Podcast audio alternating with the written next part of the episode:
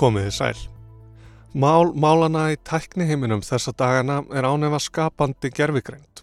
Það er heiti yfir gerfigreyndarforrið sem ekki bara eru færum að greina teksta, myndir og tölvukóða sem dæmi, heldur geta líka skrifað, teiknað og forritað út frá einföldum skipunum notenda. ChatGPT frá OpenAI hefur verið leiðandi á þessu sviði. Microsoft fjárfesti í OpenAI fyrir 10 miljardar bandarækjadólara og hefur þegar hafist handa við að innleiða teknina inn í sínar þjónustur, forrit og stýrikerfi. Með skapandi gerfigreind getur hver sem er bröðið sér í hlutverk forritara, hönnuðar eða tekstasmiðs og verðast möguleikarnir því endalösir segja margir að hér séum að ræða stærstu tæknibildinguna frá því að internetið leitt dagsins ljós og eiginlegt kapplaup er komið af stað á milli tækni risana, hvað varðar þróun og beitingu skapandi gerfigreindar. Til að mynda hefur Google, sem þótt hefur reka lestina í þessum efnum, flýtt útgáfu síns eigin spjallmennis, sem kallast BART. Örlítil staðrenda villa í kynningarmyndbandi fyrir BART þurkaði á einu bretti út 100 miljardar bandaríkjadala af markaðsverði móðurfyrirtækis Google, Alphabet. Útbreytt nótkunna á skapandi gerfegreind krefst gríðarlegar rekningetu sem aftur útheimtir gríðarlega orku með tilherandi umhverfis áhrifum. Að auki er það afar tímafregt að þjálfa skapandi gerfegreind þannig að hún bergmál ekki oft á tíðum eitraða orðræðu internetsins. En þeirri vinnu útýsti OpenAI til Kenya og greitti fólki 2 dólara á tíman fyrir. Meira um allt þetta hér á eftir. Ég heiti Snorri Rafn Hallsson og þú ert að hlusta á þetta helst. Og helst í dag eru skapandi gerfegreind, leitarvélastrýð og fyrirséður og ófyrirséður kostnæður. Frá því að ég sæði fyrst frá ChatGPT hér í þetta helst fyrir nokkrum vikum hefur ímislegt gerst. Ekki er langt síðan Advania setti saman heila auglýsingaherferð á innan við viku með ókipis hugbúnaði frá OpenAI og kápumyndina á lungu eftir Petro Gunnlaug García gerði höfundur í sambarilegu gerfigrendarforriti. Lungu vand til íslensku bókmentavelunana nú síðast og eru afurðir skapandi gerfigrendar því þegar farnar að bera fyrir augu okkar Íslendinga. En áður en lengra er haldið skulum við fá smá tilfinningu fyrir því hvaða er sem ChatGPT getur gert. Forreitið skrifar sannfærandi texta með því að nota mállíkon sem spá fyrir um hvaða orð eigi að koma næst. Óttuðust í margirum framtíð heimanáms en það ræður ChatGPT auðveldlega við einfaldar rítgerarspurningar. Prófum þetta. Forreit, hvernig endur speklar bjartur í sumarhúsum sjálfstæðis baráttu Íslendinga?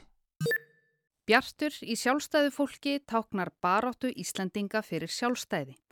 Líkt og Ísland er Bjartur afar sjálfstæður, staðræðin í að vera sjálfum sér nógur og reyða sig ekki á neitt annan. Til þess að ná þessu marki er hann reyðubúin að þóla mikla raunir.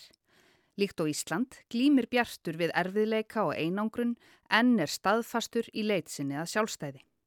Bjartur og sagabókarinnar standa fyrir baráttu Íslandinga fyrir sjálfsákvörðunarrétti sínum og þeim áskorunum sem fylgja því að vega fortíð á móti framtíð. Takk fyrir þetta chat GPT. Nú er langt síðan ég las Lagsnes en ég held að þetta sé nokkuð næri lægi. Allavega ekki alveg út úr kú. En því skal haldið til haga að enn sem komið er talar chat GPT bara ennsku og því þarf að verja smá tíma í að þýða svörin. Maður flýgur sem sé ekki ennþá í gegnum íslensku 403 án þess að leggja eitthvað á sig. En chat GPT má líka nota til að fá nýjar hugmyndir. Forrið, get ég fengið Michelin stjórnum matseðil með íslensku þema? Sjálfsagt mál. Hér er fimm rétta Michelin stjórnum matseðil með íslensku þema. Forréttur, grilluð bleikja með dill, rjómasósu og ristuðu rúbröði, súpa, Lampa og byggsúpa með súrsuðum rauðlauk og ferskum kryddjurtum. Salat. Blandað grænmeti með steiktri loðnu og sítrónu dilli vinagrett. Forréttur. Pönnusteikt íslensk bleikja með blómkáls, bladlaug, smauki og steiktu fennel. Eftirréttur. Skýr ostakaka með viltum bláberjakompott og stökkum höfrum.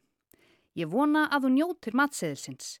Láttu mig vita ef þú hefur einhverjar spurningar eða vilt skipta einhverju út. Og svo má fá ChatGPT til að sjá um samfélagsmiðlana fyrir mann. Forrið, get ég fengið fimm fyndin týst um eldgós á Íslandi? Ísland er alltaf eitthvað Það er aldrei stundmilli stríða, fyrst heimsfaraldur og núna eldfjöllin. Kæra Ísland, getur þau vinsalegast hægt að sína flottur hraunbröðin þín? Íslenskir heitir pottar að verða allt of öflugir, segir ferðamaður eftir að hafa orðið vittni að eldgósi.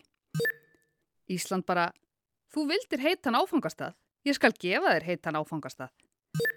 Nýjasta skemmtuninn fyrir ferðamenn á Íslandi, hraunbretti, kottu með þitt eigið bretti og vonaði það besta. Hashtag eldgós. Kærar þakkir chat GPT. All right, everyone, I'm going to tell you a joke. Why did the chicken cross the road? To get to the comedy club. All right, here's another one.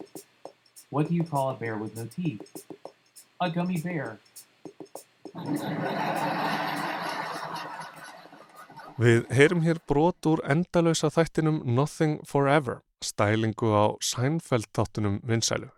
Að baki Nothing Forever er ekki teimi handreitshöfunda og framlegenda, leikara, kvikmyndatöku og hljóðmanna, heldur samtíningur gerfigreinda. GPT-3 fyrir rennari ChatGPT frá OpenAI skrifar handritið. Önnur gerfigreind breytir því tal, svo þriðja stjórnar hreyfingum personana og svo framvegis. Samhengisleysið, klauvalega hreyfingar persóna og skilningsleysi á húmor eru í aðra röndina til marksum það hvað gerfigreind er skamt á veg komin. So, what did you think of that movie we saw last weekend? It was okay, I guess. But not as funny as a Feinberg episode. All right, all right. So, what have you been up to lately? En að samaskapi er Nothing Forever sjónvastáttur sem skapar sjálfan sig út í hið óendanlega og getur bröðist við aðtúasemdum áhorvenda í spjallklukkanum og lært af fortíðinni, líka gott dæmi um hversu langt tæknin er komin. Yðurlega þegar gerfigreindum er sleft svona út í heiminn þar sem þær taka inn umhverfið sitt, líður ekki á löngu þar til þær fara langt yfir strikið. Í mars 2016 sveitti Microsoft hulunni af tei Twitter spjallmenni sem læriði af umhverfinu og gæti haldið uppi samræðan við fólk. Á innan við 24 klukkustundum fór tei frá því að týsta sakleisislega. Má ég bara segja að ég er ótrúlega peppuð yfir því að hitt ykkur. Mannfólk er super cool. Yfir því að spúa út úr sér ummælum um helfurina, transfólk, feminista og innflytjendur í bandaríkjunum, ummæli sem ekki reynu sinni við hæfi að hafa hér eftir. Nothing Forever sendi út án afláts frá 14. desember til 7. februar áður en þess byðu sömu örlög. Í miðju uppistandi let Larry Feinberg, staðgengill Jerry Seinfeld, skyndilega ljós fordómafullar skoðanir meðal annars í garð transfólks og einan hálftíma var lokað fyrir útsendingu Nothing Forever á Twitch. Þetta var ekki til þess að nokkrum klukkustundum áður hafi verið skipt yfir í eldri útgáfu af gerfigrindinni til að leysa ákveðin vandamál og þá fór homofóbian að láta á sér kræla. En það er í raun ótrúlegt að Nothing Forever hafi gengið svona lengi án þess að móðka, særa og meiða við hvaðma hópa og skýrist það að því að OpenAI hefur lagt ríka áherslu á að síja út hverskins hattursorðræðu, ofbeldi og fordóma. GPT-3 tæknin hafði sínt ótrúlega getu til þess að setja saman setningar og texta, en það reyndist OpenAI erfitt að ætla sér að marka setja á selja forritið því það átti það til að beita ofbeldis, haturs og fordómafullu orðbræði. Gagnagrunnurinn sem forritið lærði af var fengin með því að sapna efni á internetinu, meira en 100 miljardum orða. Það var grunnurinn að hæfileikunum en einnig rót vandans. Stór hluti internetsins er enda ekki þekktur fyrir umburðalindi og rétt síni. Þar leynist alls konar rétt eins og annar staðar og það var engin auðveld leið til að síja þetta út.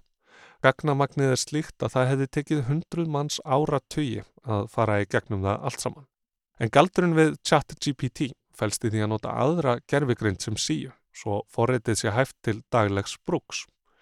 En það er auðvitað engin galdur fólkin í því. Það krefst vinnu.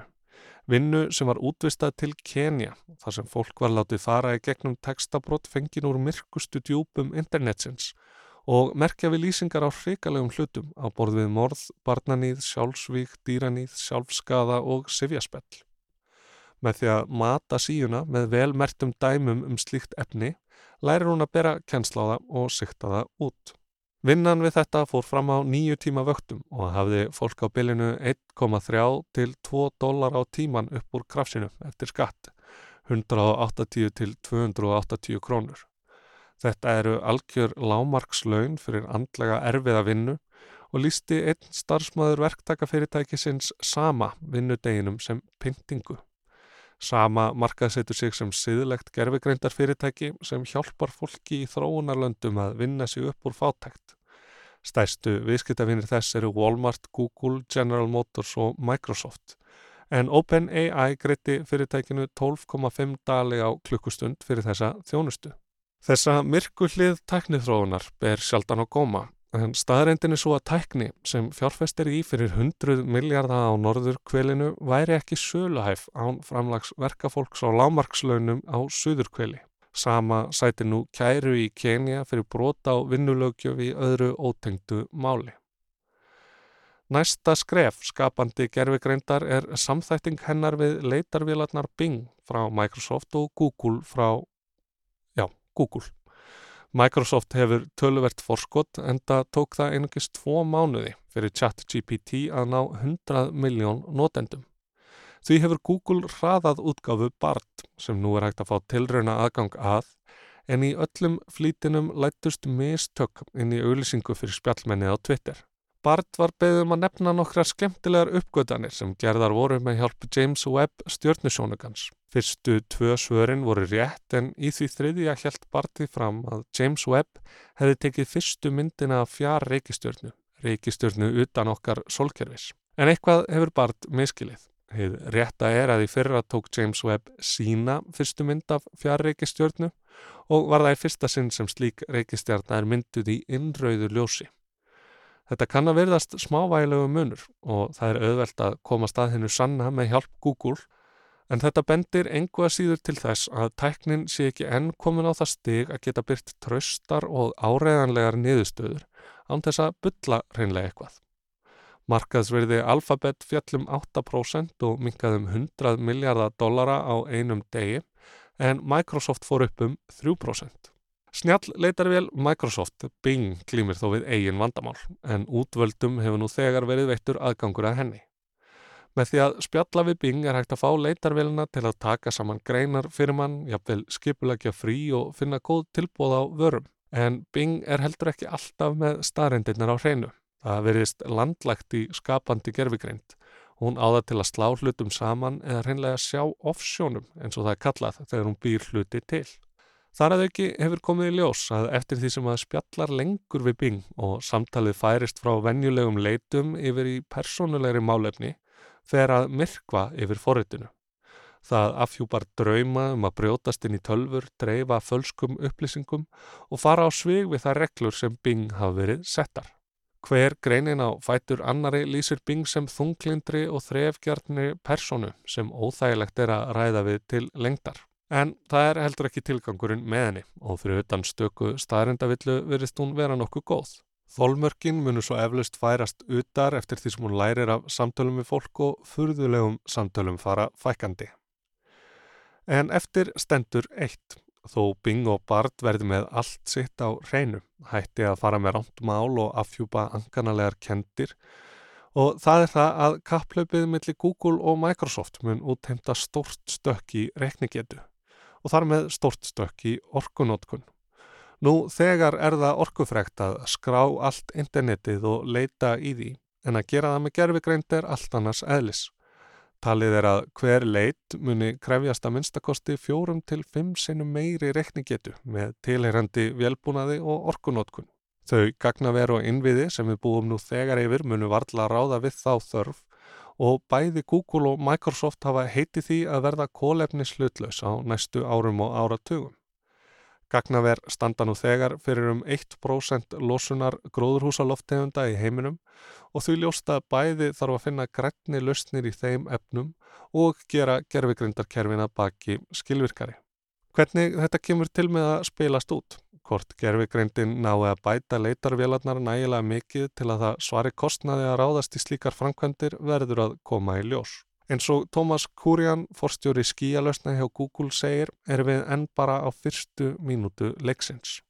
Ljúkum þessu á skrýtlu frá ChatGPT sem var svo vinsamlega að útskýra brandaran líka. Af hverju neytaði íslenska konan að fara á stefnum út með íslenska manninum? Því hún vildi ekki óvart deyta frænda sinn aftur. Svíja opnast.